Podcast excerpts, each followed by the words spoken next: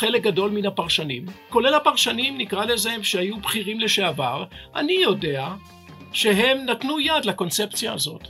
בתחומם, אני לא רואה בהם אחראים עליונים, אבל הם נתנו יד, אבל היום הם מפרשים את התוצאות של מה שהם עשו או לא עשו.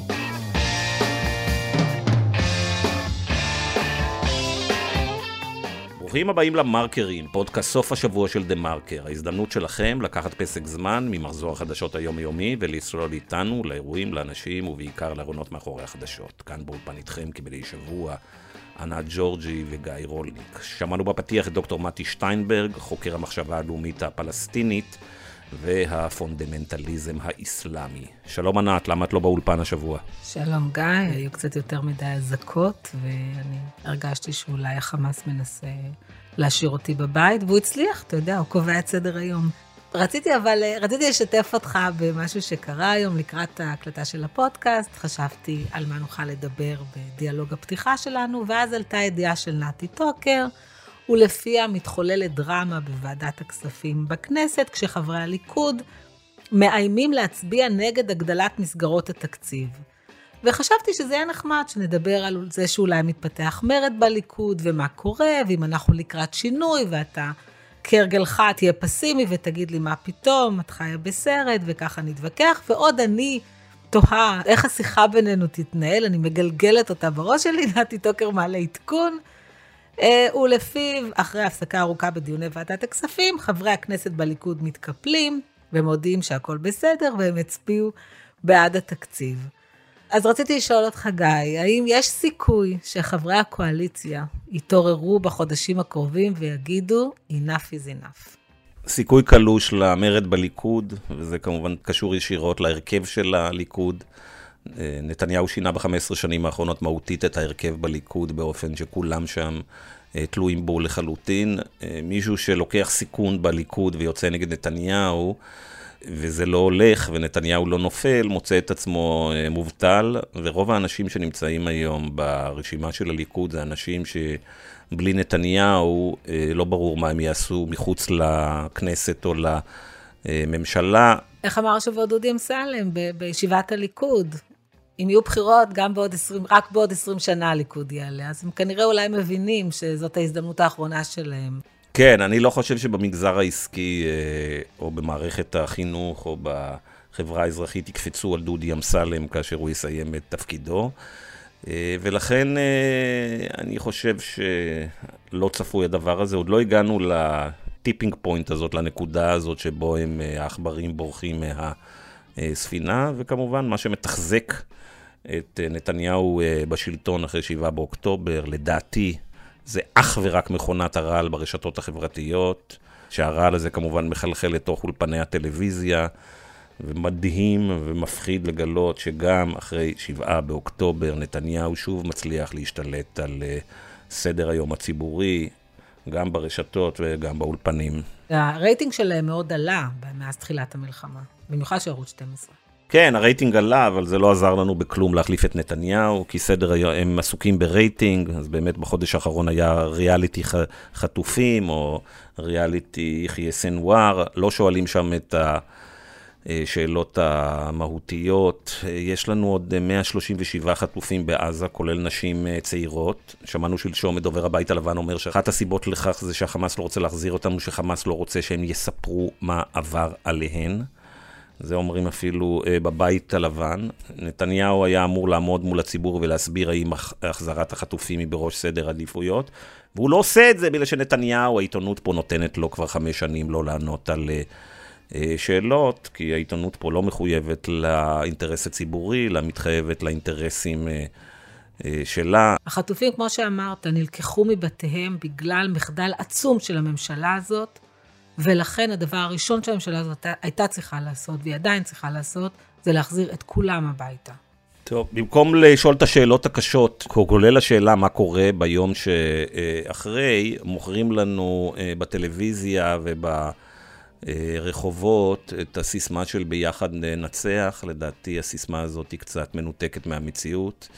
אנחנו כאן לא ביחד לדקה, אנחנו לא ביחד עם משפחות החטופים ועם החטופים עצמם, אנחנו לא ביחד עם... Uh, עשרות אלפי, אולי מאות אלפי עקורים שהמדינה מתעמרת אה, בהם, ואנחנו בעיקר לא ביחד כאשר תקציב המדינה שמתגבש ממשיך להזרים מיליארדים להרס מערכת החינוך באמצעות כספים קואליציוניים.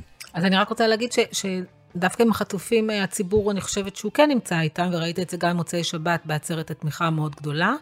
ועל מה שאמרת, אני רוצה להוסיף... כמה אנשים היו שם? בסדר, היו שם עשרות אלפים, גיא, וזה, אני חושבת יפה, ש... יפה, זה אפשר להגיד שהציבור כן, איתם לא, אני כן חושבת שהציבור נמצא איתם, אני חושבת שהבעיה היא לא בציבור, לפחות בעניין הזה, אני חושבת שיש פה לחץ ציבורי להחזיר את החטופים, זה לא עוזר. אני לא מסכים איתך, ענת, אני חושב שאין לחץ ציבורי, אני חושב שיש אווירה עכשיו של תנו לצה"ל לנצח, למרות שאף אחד לא יודע מה זה הניצחון הזה.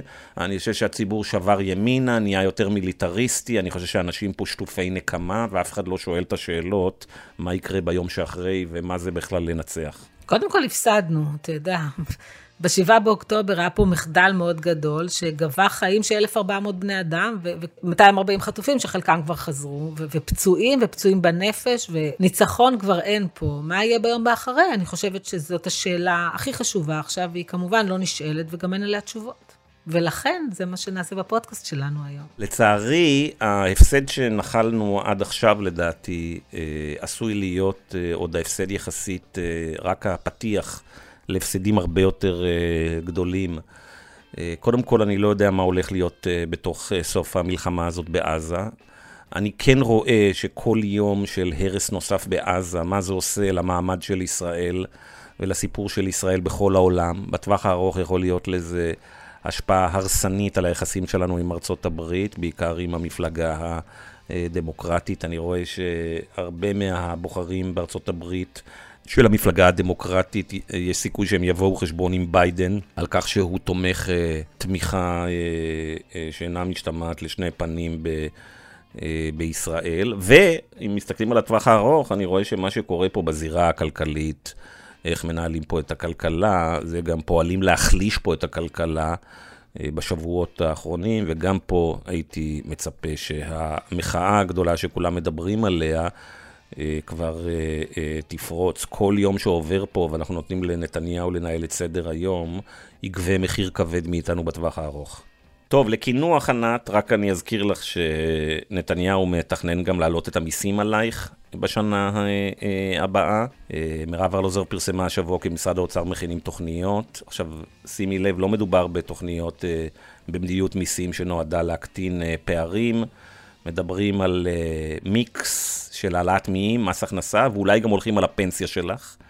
כלומר, מתרשעים כרגיל על מעמד הביניים, לא ייגעו בקבוצות האינטרס. וגם המחירים עולים, ואתה יודע, גם המעמד הנמוך ישלם מחיר, כולם משלמים מחירים, חוץ ממי שאולי מקורב לצלחת. כן, ואפרופו עליית מחירים, אני רוצה להזכיר שעליית המחירים הזאת זה גם אחריות ישירה של הממשלה הזאת, כי תחת נתניהו חוסלה דה פקטו רשות התחרות בישראל, אה, וכל מונופול שיכול לנצל ולרמות את הלקוחות שלו עושה זאת, וכמו שאמרנו בהתחלה, הכולנו ביחד הזה הוא קצת בלוף, כל מי שיכול להעלות מחירים, מעלה מחירים ב... בפראות. אה, סימי ספולטר ועדי דוברת פרסמו השבוע שברשת אה, קרפור העלו את המחירים אה, בממוצע ב-10%, וחלק מהמחירים שלהם 40%, ואני רק מזכיר לך שנדמה לי זה היה לפני שנה, תקני אותי אם אני טועה, שנתניהו הצטלם וסיפר על איך שהוא הביא את קרפור לישראל, ושמורידים מחירים. איזה מהפכה היא תעשה פה. איזה מהפכה תהיה, הכל אה, קשקושים כמובן, בלי שבירת הריכוזיות ובלי הכנסת תחרות, אף פעם לא תהיה ירידת מחירים. ברגע שרשת כמו קרפור נכנסת ורואה שהשוק נשאר ריכוזי, אין לה שום סיבה להוריד מחירים. אבל אנחנו חוזרים ל, אה, לעזה וננסה לדבר היום על מה, שלא, על מה שמדברים פחות בכלי התקשורת אה, המרכזיים. אה, מה יהיה באמת בקצה, האם אנחנו יכולים למוטט את החמאס, מה יהיה המחיר של הדבר הזה מבחינת מעמד ישראל בעולם, מה המחיר שאנחנו כבר משלמים, והאם בכלל הכתובת פה הייתה על הקיר, ולמעשה... מי שלא סירב אה, להסתכל על המציאות בעיניים, ראה שהחמאס מתכונן לשבעה באוקטובר. את כל זה נעשה היום באמצעות דוקטור מתי שטיינברג, שהוא חוקר שמתמחה בחמאס ובתנועות של הפונדמנטליזם האסלאמי. אז מיד מתחילים.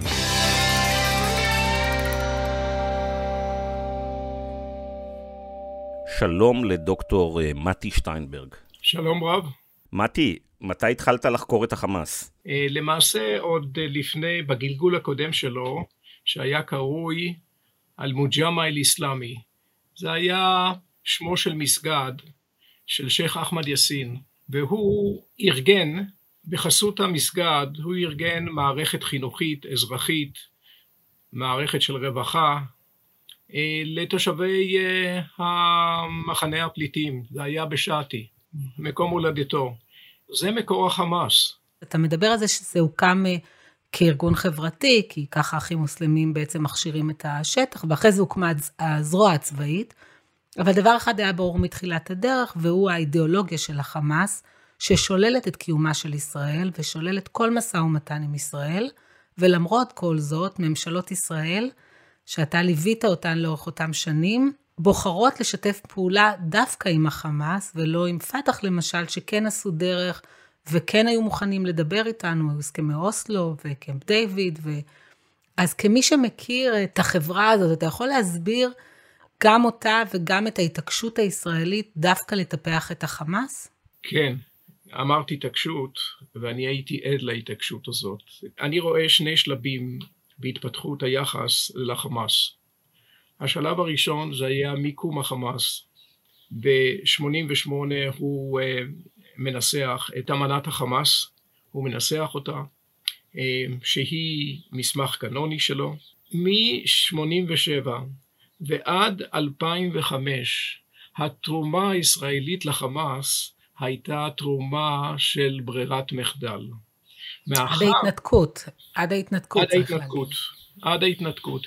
מאחר שלא התקדמנו כפי שאפשר היה להתקדם עם הזרם שמוכן להתקדם, קרי החוט השדרה זה פתח, אבל אה, פתח ששולט באש"ף, ששולט ברשות הפלסטינית, מאחר שלא התקדמנו, אז מן ההפקר הזה זכה החמאס.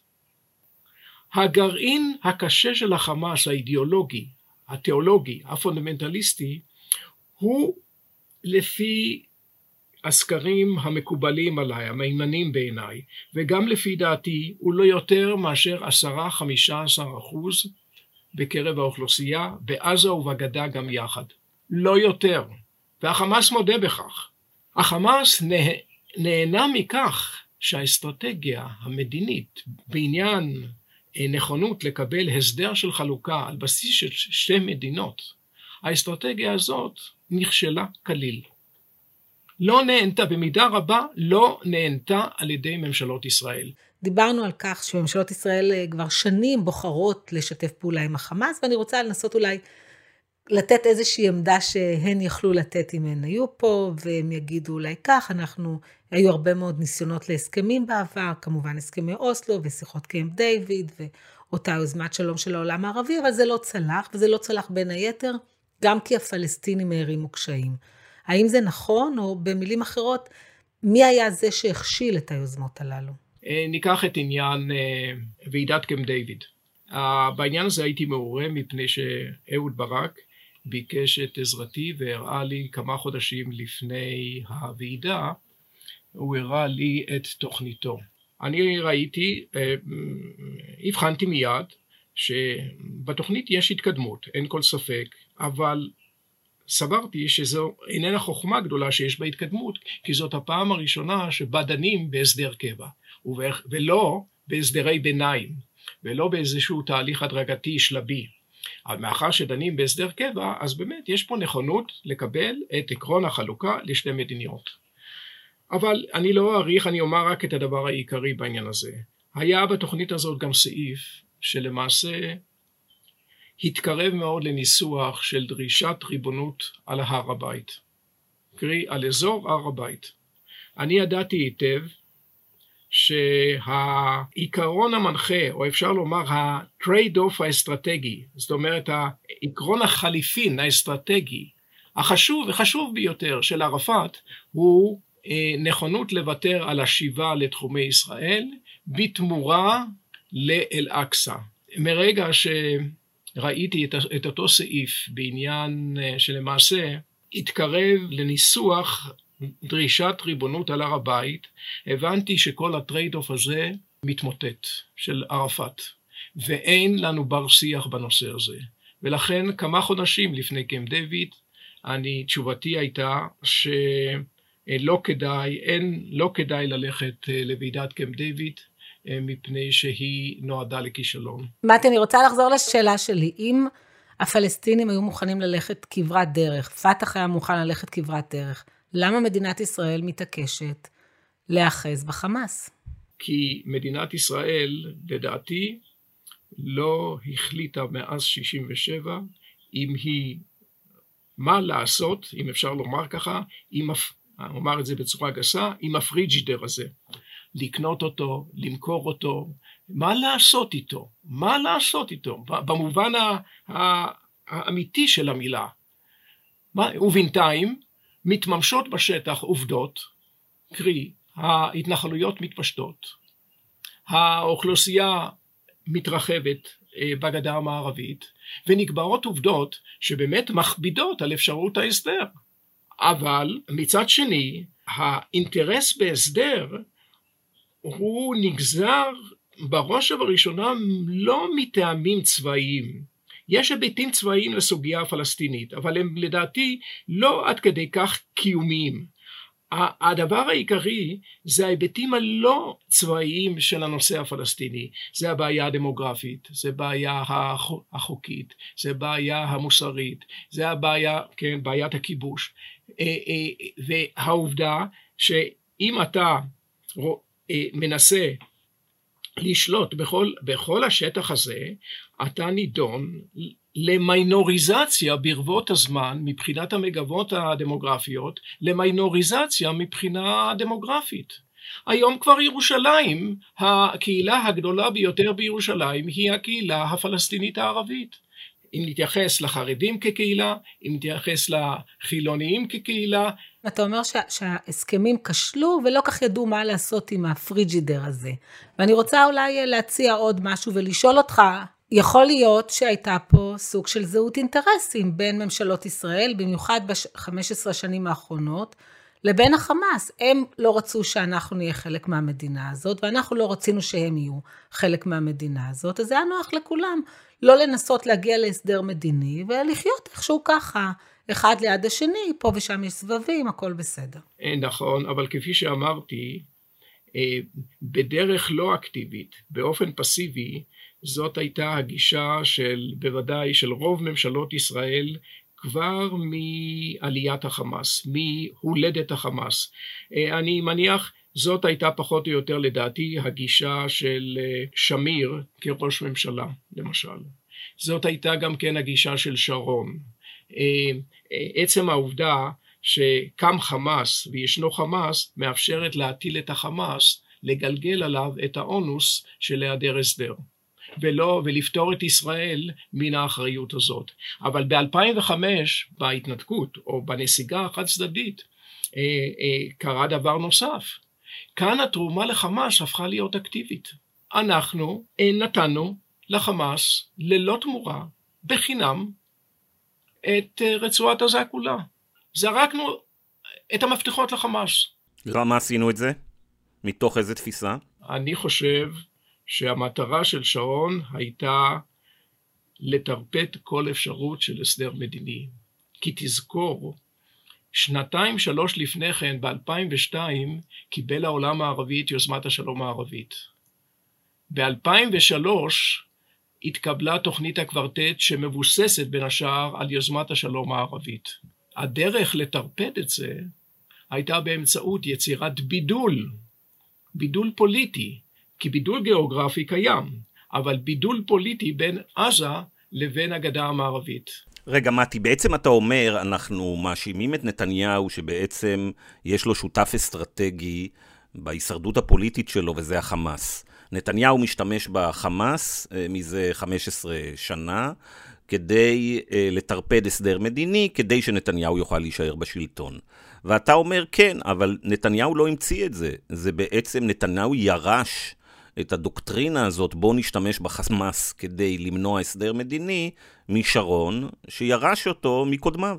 נכון, זה מה שאני אומר, אני רק אני, אני אומר דבר אחר, הוא העמיק אותה, את הנתיב שהחלו לפניו, הוא העמיק עוד יותר, על ידי זה שהיה מוכן במידה רבה, זאת המשמעות של זה, לייצב את שלטון החמאס בעזה באמצעות המיליארדים שנכנסו לרצועה מקטאר, דרך, חלקם הגדול, דרך לוד.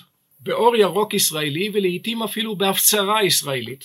ואתה אומר כחוקר של החמאס, כמי שמסתכל עליהם הרבה שנים, שהשותפות האסטרטגית בין ראשי הדרג המדיני, ראשי הממשלות, לבין החמאס נמשכת שנים, עולה מדרגה בתקופתו של נתניהו, כאשר זה מתורגם גם למיליארדי דולרים שמגיעים מקטר, מהרש"פ אה, וממקומות נוספים.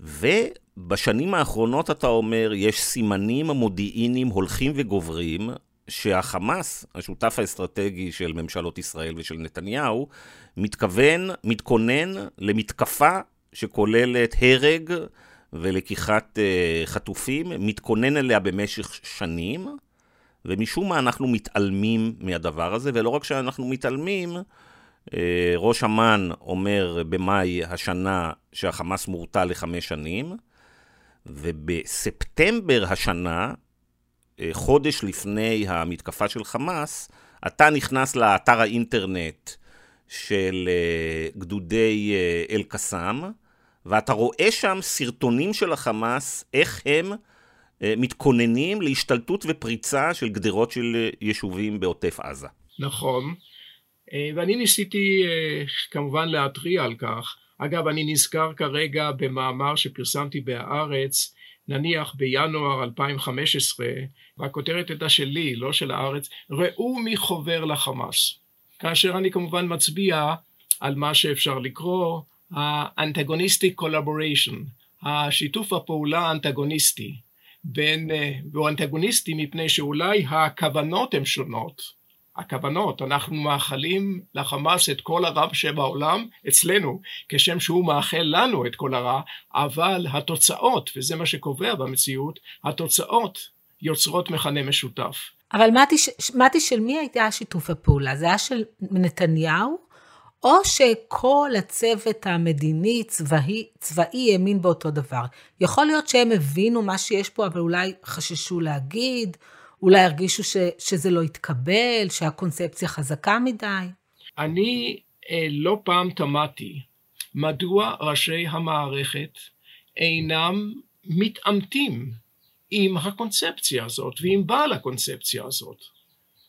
אה, והסיבה הייתה זה לא שהחמאס פתאום מתקופת ממשלת אה, נתניהו השנייה ואילך הוא פתאום אה, התחיל לחשוב על אפשרות התקפית נניח לגבי עוטף עזה וכולי. אנחנו יודעים שגם היו עימותים, פסקי זמן של, של אתנחתות ועימותים אה, גם, גם באותם שנים. אבל לא זה, צריך, כשעוסקים בתופעה היסטורית, צריך להבחין בין שני דברים. בין הרובד המבני, המהותי, שהוא יחסית יותר קבוע, הבלאי שלו, הבלאי ההיסטורי שלו, הוא הרבה יותר נמוך. פה אני מדבר למשל בהקשר לחמאס על האקסיומות האידיאולוגיות התיאולוגיות של החמאס. אם הוא ארגון פונדמנטליסטי, הוא מאמין בזה בלב שלם. המרחק, המרחק בין הפה לבין הטלפיים, נקרא לזה ככה, הוא מרחק קצר מאוד. עכשיו, יש רובד אחר שזה רובד מצבי. בהבדל מן המבני, רובד מצבי שהוא מותנה בהתפתחויות ההיסטוריות. מי שחושב שהחמאס מורתע ושכל מעייניו זה השלטון שלו בעזה ותו לא, כאילו אומר שהחמאס זנח להנחות את אל-אקצא. האם זה אפשרי? האם זה עולה על הדעת?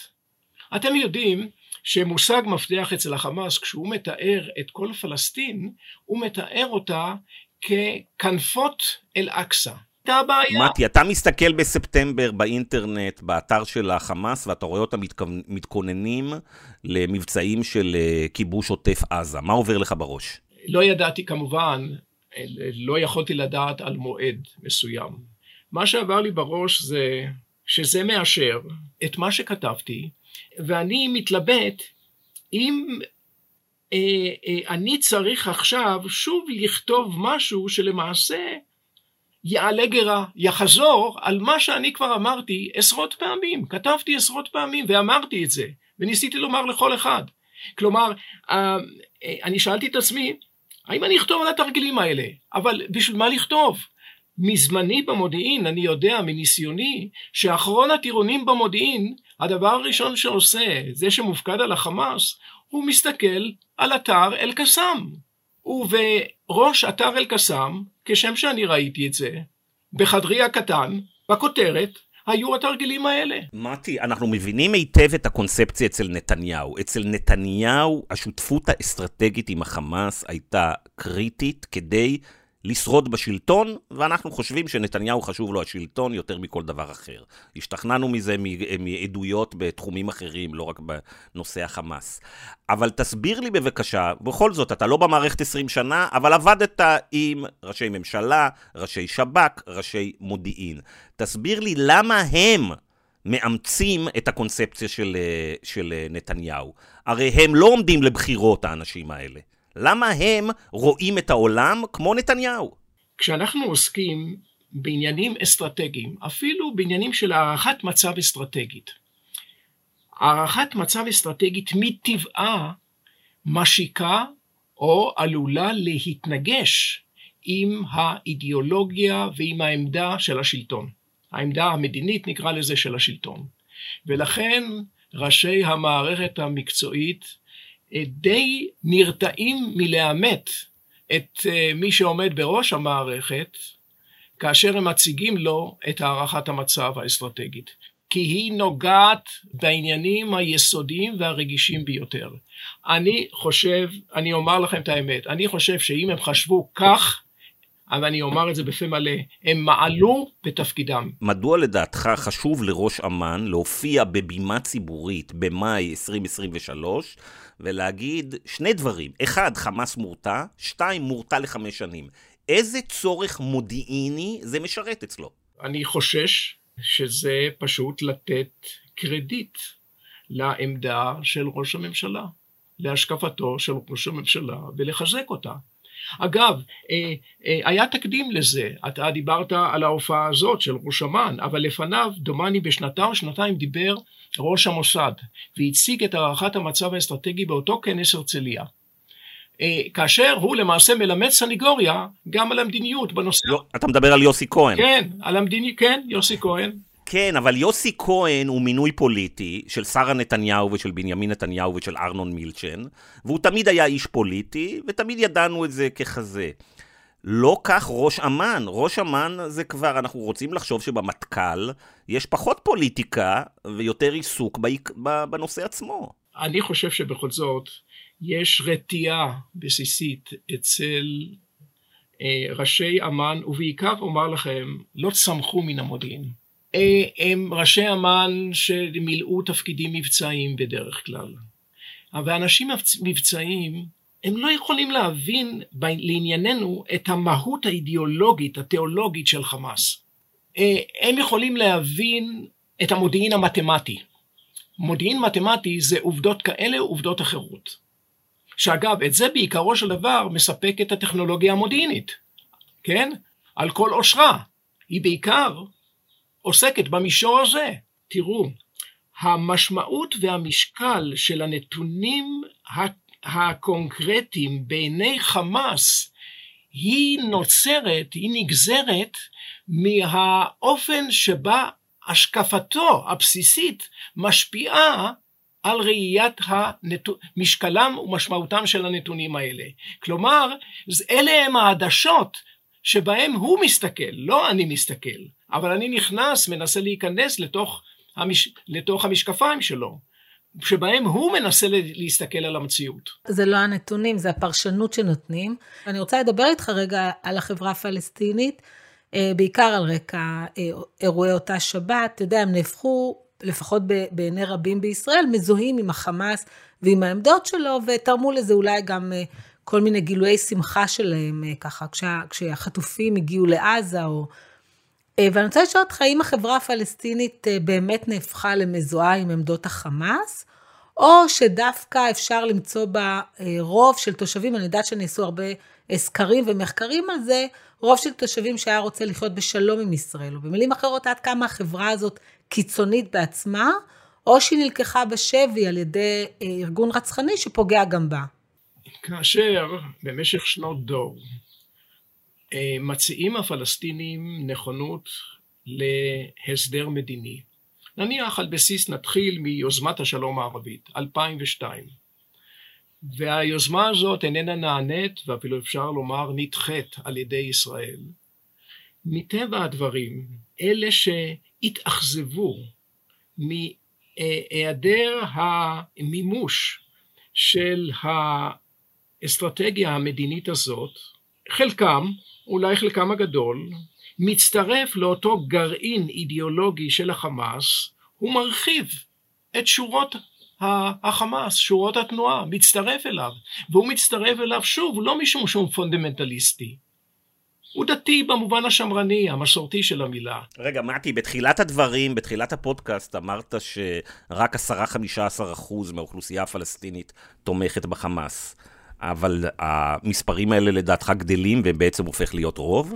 אה, זהו, עכשיו אני אומר, תומכת בחמאס אה, אה, מפני שיש לה השקפות המזדהות עם האידיאולוגיה של החמאס. כל אלה שהצטרפו, נניח לפי הסקרים מצטרפים עוד 15 אחוזים, לעיתים עוד 20 אחוזים לתמיכה בחמאס, הם כולם מאוכזבי התהליך המדיני, מאוכזבי הרשות הפלסטינית, מכך שהאסטרטגיה שלה נכזבה.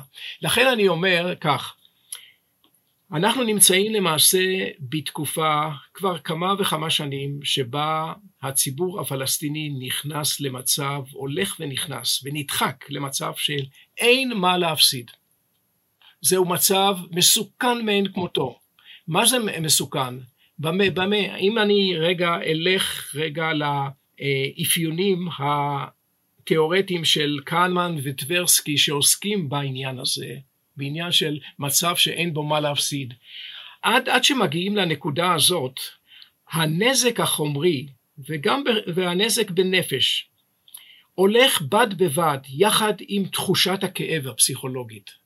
אבל מצב של אין בו מה להפסיד זה הנקודה שבה יותר נזק ויותר אפילו אבדות אינן מביאות ליותר כאב.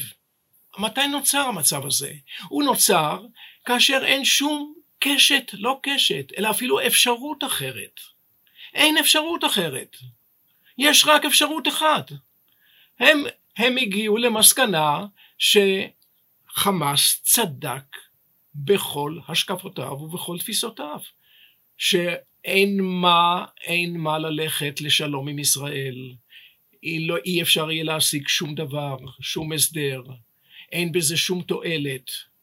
והמצב הזה הוא מצב שאותו מבקש החמאס לנצל, כמובן. יכול להיות שהחמאס מפעיל גם מערכת של שיווק מסרים, דרך הרשתות החברתיות, דרך אולי המדיה שנמצאת בבעלותו, ואתה יודע, גם מקצין את המציאות. כי בעצם פה אתה די מטיל אחריות על ישראל. אתה אומר, בהיעדר, בהתנהלות של ישראל ובהיעדר הסדר מדיני, אז הציבור הפלסטיני לוקח אה, אה, החלטה מושכלת ותומך בחמאס. אמר, החמאס, ואת זה אנחנו יודעים, יש לו מערכת של תעמולה מאוד מאוד יעילה כלפי חוץ. יכול להיות שאותה מערכת היא גם יעילה כלפי פנים. היא יעילה כלפי אותם עשרה, חמישה עשר, הגרעין הפונדמנטליסטי. ואני אומר את זה באופן, אני יכול אפילו לתבוע חוק וכלל, אם אפשר לתבוע דבר כזה לגבי מציאות. ככל שהעיקרון המנחה הוא עיקרון של דיפלומטיה ושל תוחלת פוליטית, רוב הציבור הפלסטיני, כולל בעזה, תמך היסטורית, ויתמוך, לדעתי גם יתמוך, בהתקדמות המדינית, ובלבד שהיא תהיה ממשית, לא תוחלת באופק הרחוק. רגע, מתי, אני חייב לעצור אותך כאן. אתה אומר שאפילו בעזה, אה, אם יהיה תהליך אה, הסדר מדיני, האוכלוסייה תתמוך בזה. כלומר, העמדות הניציות הקיצוניות של אה, חמאס הן לא הדומיננטיות בעזה. בעוד שאתה אומר את זה, הרי הפוליטיקאים, ואגב, גם באולפנים, וזה גם הרוח היום אה, בישראל, בעקבות 7 באוקטובר, אומרים לנו 180 מעלות ממה שאתם אומרים. אומרים, לא רק ש... החמאס בעצם זה עזה ועזה זה החמאס, אלא בעצם גם הפת"ח, גם הרשות הפלסטינית, היא חמאס, היא אה, זאב באור אה, כבש. ואתה אומר לא. אני אומר לא ולא רבתי. האם אה, דומה מי שמקבל את החלטה 242 ואת יוזמת השלום הערבית, שזה סיום הסכסוך, למי שאיננו מקבל את זה? למי שמסרב ונאבק עד כדי פיגועי התאבדות כדי לטרפד את הדבר הזה? האם הרשות הפלסטינית, ואני יכול להעיד על כך מתקופתי, אה, אה, לא תרמה לביטחונה של ישראל במסגרת התיאום הביטחוני? אני רוצה לומר לך שבתקופתי, נניח התקופה האינטנסיבית ביותר, זה תקופת אה, עמי אילון, אותם שלוש שנים, תרומת הרשות הפלסטינית, אני מדבר מנגנוני הביטחון שלה, הייתה לפחות 50 אחוזים, מבחינה מודיעינית וביטחונית. נכון, הם לא עשו את זה בגלל עינינו היפות, חס וחלילה.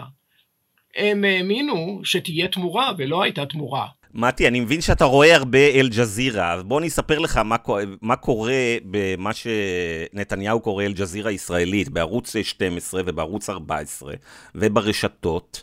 יש קמפיין של הרבה מאוד שנים שהוא אץ דרמטית בחודשיים האחרונים, נקרא לזה שם גנרי עמית סגל, להסביר לנו שהרשות הפלסטינית זה חמאס. איך נאמר, צדיק באמונתו יחיה.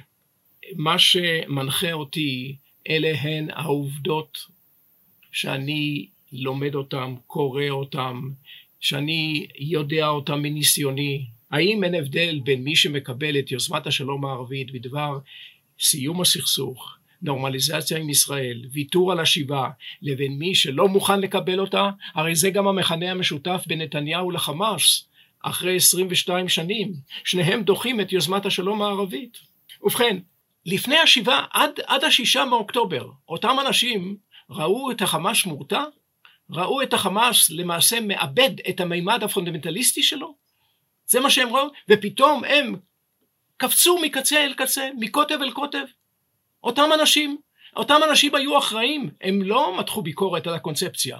בתחומם הייתה להם אחריות לדבר הזה, להפצתה של, להפצתה של הקונספציה המוטעית הזאת, הממארת הזאת.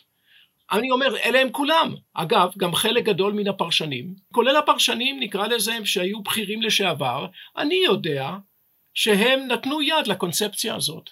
בתחומם, אני לא רואה בהם אחראים עליונים, אבל הם נתנו יד. אבל היום הם מפרשים את התוצאות של מה שהם עשו או לא עשו. על איזה פרשנים אתה מדבר, מתי? אתה יכול להגיד את השמות? ידעתי שתבקש שמות, גיא. אני לא רוצה להזכיר שמות, אבל אני הסתפקתי בכך שמדובר על... זה שיחה אינטימית פה, זה רק ענת, אני, אתה וכמה עשרות אלפי מאזינים. אני ידעתי שגיא יבקש שמות, אני אהיה יותר נחמדה ממנו. אני אומרת, אל תגיד שמות, אבל רק תגיד לנו. זה בכירים שעבדו בשב"כ ובאמ"ן, ומכירים את הנתונים מקרוב, והיו חלק מהקונספציה, ועכשיו הם לשעבר ומגיעים כפרשנים? בכירים בשב"כ, באמ"ן ובמוסד. בואו נבחן לפי התוצאות, שאנחנו, לפי התוצאות כיום, או שלא הייתה להם דעה אחרת, או שהם לא אמרו את דעתם. בשני המקרים, אני חושב שהם מעלו בתפקידם. אז מתי אתה מתרגז יותר, אה, מתי, שאתה צופה באל-ג'זירה מקטר, או מאל-ג'זירה של אה, אה, מנווה אילן? זהו, אני נמנע, העניין הוא שאני גם נמנע מלהסתכל מחלק גדול מהערוצים שאינם ערוץ 14. הרגת את גיא עכשיו. לא, לא, לא. לא, אני לא אומר, לא. לא, אבל זה הפודקאסט השני ברציפות שאומרים לו שרואים ערוץ 14. אני אגיד לכם את זה בצורה אחרת. אני לא יודע מה השקפותיהם הפוליטיות ואחרות, זה לא מעניין אותי. מאחר שאני עושה איזשהו מאמץ, ובאמת, אני עושה מאמץ גדול, להיכנס לכתבי החמאס, אתרי החמאס, באמת, ולהבין את ה... להבין, לנסות להבין מה קורה, איך הם חושבים וכולי. אני חש שכשאני שומע לעיתים, ואני אז אה, מכבד את הטלוויזיה, שהם פשוט לא עושים את עבודתם במובן האוב... הבסיסי, האובייקטיבי ביותר של המילה, לא הסובייקטיבי. אינני מדבר על עמית סגל, אני מדבר על אותם פרשנים. אני לא, אני יכול להגיד לכם, אני יכול להגיד לכם תזות שונות ששמעתי והן פשוט מאוד, הן, הן, הן לא נכונות אובייקטיבית, אבל קביעות, הקביעות נאמרות בפסקנות ובסמכותיות אין קץ. שמטרה בעצם של הרטוריקה הזאת בדרך כלל זה למצוא חן בעיני הקהל, כאשר זה באולפנים, או למצוא חן בעיני הדרג המדיני, נתניהו. כן, אני חושש כך. ולכן אני לא, ולכן אני כמעט שלא צופה, צופה בטלוויזיה הישראלית לסוגיה, למיניה. אז רגע, אז למה אתה צופה באמת ב-14? מה זה, לא, מה הערך לא, המודיעיני שאתה מפיק טעות, משם? זאת, אם הבנתם כך, זו טעות מוחלטת. אני לא צופה ב-14. אה, אוקיי. לא, להפך. פח... אתם יודעים מה? אני לא חושב שאני ראיתי אי פעם את 14. אני אומר לכם. אז אני אגיד לך, השיא של ערוץ 14 ברייטינג היה בערך לפני חודש. שהופיע שם איזה מישהו שמציג את עצמו כאיזה מומחה ל- לאיראן בשם כן, כן. יוסיאן, כן. יוסיאן, שבו הוא אמר שחמאס זה עזה ועזה זה חמאס, וצריך בעצם להרוג את כל תושבי עזה. הרייטינג שלהם קפץ, ובתגובה, אחרי יומיים, הזמינו אותו גם אברי גלעד וארז טל לפריים טיים של ערוץ 12, שיחזור על הדעות האלה שכנראה מלהיטות היום את הציבור. כן, טוב, אני... איך אומרים, חלקי איננו עמהם. מה אני אומר לכם? אתה יודע, יש היום מי שאומר, ואתה שומע יותר ויותר אנשים שאומרים את זה, שצריך לשטח את עזה, לזרוק את הפלסטינים לים, להעביר אותם למדינות אחרות. אבל הפלסטינים פה והם לא הולכים לשום מקום, ואני רוצה לשאול אותך מה הפתרון. הרי לא נוכל לחסל את החמאס, כפי שמצהירים גם גלנט וגם נתניהו. ולא לא נוכל לעשות את זה בלי לכבוש את עזה. והמשמעות של לכבוש את עזה היא, היא הרסנית לאוכלוסייה הפלסטינית. אז מה בכל זאת אפשר לעשות? אני רואה שתי אפשרויות בלבד. אפשרות אחת, שאנחנו, ישראל, ממלאת, ממלאת את החלל שנוצר אה, בעזה כתוצאה מכך שהחמאס נחלש. והוא ייחלש, הוא לא ייעלם מן העולם, יש לו יכולת השתקמות. השאלה מה יהיה, באמת, מה יהיה זמן ההשתקמות הזאת, זאת השאלה, אבל ככלל, גם אם אנחנו נחסל את מפקדיו, אנחנו למדנו מן העבר שבתי הקברות של עזה מלאים ב-indispensables, בהמוני, במנהיגים כמו שייח' אחמד יאסין, רנטיסי ועוד ועוד ועוד. לא, כי חמאס הוא תנועה רחבה והוא רעיון. וגם למחליפיהם, גם ליורשיהם של אלה שנחסל, יהיה כנראה מימון מקטר ומאיראן ומשאר המקומות. בוודאי, עכשיו כך, אפשרות האחת היא שישראל אה, תמלא את החלל, אולי אפילו באותה דרך שאני רואה שברי רעיונות, אולי ניצני רעיונות, למשל, שאנחנו נסתלק משם ונחלוש מבחינה ביטחונית באיזה מין אזורי ביטחון על סביבות, נכתר את הרצועה ובכל פעם שיש איזושהי התראה אנחנו ניכנס פנימה וניתן לכאוס הזה להתנהל אה, כפי שהוא מתנהל ואפילו להחמיר. אה, אני חושב שזאת גישה שהיא הרסנית, לא אחראית, מי, ואני פשוט אה, קורא לאלה שדוגלים בגישה הזאת סוכני פאודה. סוכני כאוס. מי שרוצה שתהליך ההשתקמות של החמאס יהיה מהיר מאוד, ילך לאופציה הזאת. החמאס יעשה את הכל כדי להשקיע את ישראל בביצה התובענית הזאת. הוא יכול לעשות את זה בלוחמת גרילה, אנחנו לא נדע מאיפה זה בא.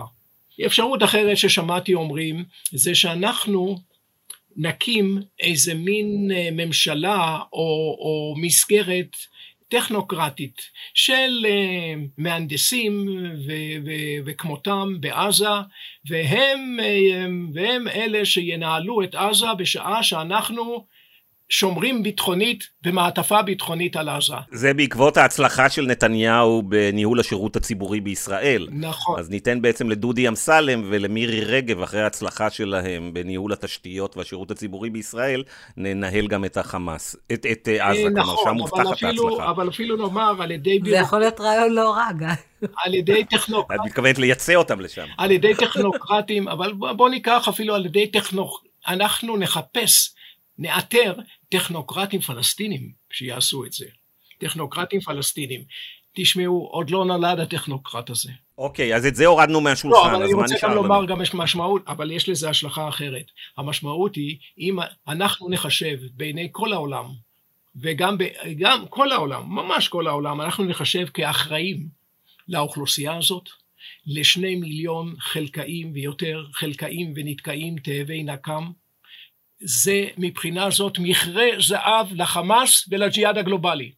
אני כבר... ולאיראן. ולאיראן. אני כבר רואה, אני, אה, בעוונותיי, אני גם כן מעיין בכתובי, בכתבי הג'יהאד ובאתרי הג'יהאד הגלובלי, ואני רואה אותם משנים קורס. אם עד עכשיו הנושא הפלסטיני היה בסוף, ממש בסוף סדר העדיפויות, עכשיו בגלל עזה זה מתחיל להיות אזור הכאוס שאליו צריך להישאב. כי יש להם פה הזדמנות שיווקית היסטורית. נכון, נכון, אזור הכאוס. כאשר אגב, אגב, התחרות עם איראן היא גם כן אחד המניעים שלהם, כי איראן השיעית, הם חוששים שאיראן השיעית היא זו שתשתלט. כלומר, הרדיקלים האלה הם נעשים יותר רדיקליים בגלל התחרות ביניהם. כן, אז מה, אז מה אתה מציע לנו, מתי, לסיום? אנחנו רוצים לסיים עם... כן, האפשרות, השנייה, האפשרות השנייה, וצר לי שאני אה, בנאלי, אבל אני רוצה לומר לכם, למרות הבנאליות, ישראל מעולם לא ניסתה את זה בצורה רצינית, וזה לפתח הקשר מדיני מוצק, מובהק. רק בהקשר מדיני כזה, נכונות להסדר מדיני, רק אז יוכל העולם הערבי בראשות סעודיה ואיחוד האמירויות להתגייס כלכלית ובכל צורה אחרת לעניין הזה.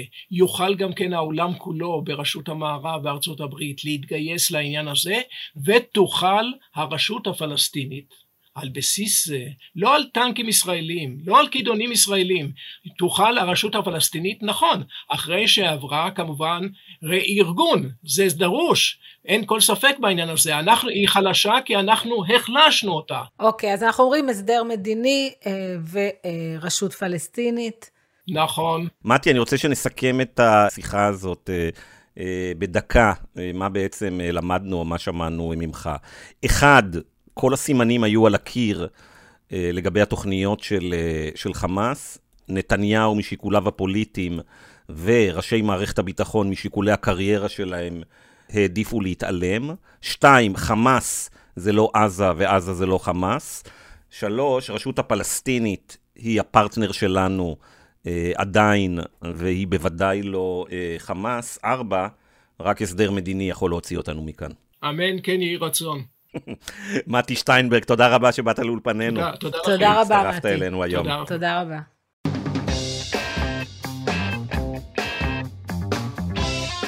ענת, איך את מסכמת? אני רוצה לחזור למה שדיברנו בפתיח, על אנחנו ננצח. ו- ואני מסכימה לגמרי עם מה שמתי אומר. אנחנו לא ננצח, צריך לעשות הסדר מדיני כדי שנוכל לחיות פה חיים נורמליים, פחות או יותר, כי אם לא נעשה את זה, אז אנחנו אה, לנצח נחיה על החרב, ולנצח אה, נחווה עוד מקרים של מוות והרס והרג, ובלי ספק, כמה שזה קשה כרגע לחשוב על זה, אה, פתרון והסדר מדיני, זאת הדרך היחידה לסיים את המלחמה הזאת. כן, ישב כאן באולפן בשעה האחרונה אדם שחוקר את החמאס ואת הפלסטינים 30 שנה, אדם שגם אה, נכווה בשעתו בקמפ דיוויד כאשר הוא יעץ לברק, ובעצם אומר לנו בתוואי הנוכחי, אנחנו לא ננצח, אנחנו הולכים להפסיד, זה בעצם המסר שלו, אה, בגלל שלא באמת נמוטט אף פעם את החמאס, בגלל שתמיד יבואו אה, אחרים אחריו, בעיקר שיש מישהו שרוצה ל... אה, לממן את זה, והוא גם מסביר לנו אה, מה שפחות אנחנו רוצים לשמוע הרבה פעמים, שנתניהו אה, הצליח לשווק את הרעיונות שלו, שהחמאס הוא שותף אסטרטגי, לא רק לציבור הישראלי ולצופים בערוץ 14 או בערוץ 12, אלא גם, גם לראשי מערכת הביטחון שהבינו שזאת הדרך לשרוד ולהתקדם במוסד, באמ"ן. במטכ"ל אה, ובשב"כ. אה, אני כמובן תמיד נשאר עם השאלה אה, ועם מדוע קולות כמו של מתי שטיינברג אנחנו לא שומעים ב-12, 13, 14 וגם לא ב-11. אני חושבת, אני חושבת שמתי ענה על זה ואמר שהם מנסים לרצות גם את הקהל וגם את נתניהו. נכון מאוד, ואלה קולות חשובים, אפשר להתווכח, אפשר לעשות עוד דברים. אבל כרגע אף אחד לא מעוניין להתווכח על זה. ואגב, אני חייב לציין שגם בקרב uh, קולגות שלי וחברים, שבדרך כלל כן מדברים על הסדר מדיני, מ-7 באוקטובר אני שומע איזה סנטימנט כזה של בוא נכתוש אותם, בוא נכון. נהרוג אותם, בוא נרתיע אותם, בלי בעצם הבנה של uh, מה הולך להיות, uh, או דיון על מה שהולך להיות uh, uh, בקצה. אבל אנחנו נמשיך להביא את הקולות האלה אה, אצלנו כאן אה, אה, בפודקאסט, וכמובן, אם יש למאזינים שמקשיבים לנו עכשיו הערות והערות ותלונות ותגובות לעניין הזה, אתם כמובן, אנחנו פתוחים לשמוע, תשלחו לענת ולי מיילים בשמחה תמיד. עד כאן המרקרים להשבוע, אם אהבתם את הפודקאסט, אל תשכחו להירשם בחנויות הפודקאסטים של אפל, ספוטיפיי וגוגל. תודה רבה ל... המפיק שלנו לאמיר פקטור, תודה רבה לעורך האגדי שלנו, דן ברומר, אה, שחוגג מחר אה, יום הולדת, לא נגלה כמה. אפשר להגיד אבל שזה, שהוא נולד לפני מלחמת יום הכיפורים, או שנשאיר את זה עדיין בלוט בערפל? כבר אמרת. טוב, הוא יחליט בעריכה. הוא יחליט בעריכה אם להשאיר את זה. תודה לך, ענת. תודה גם. מה נעשה שבוע הבא?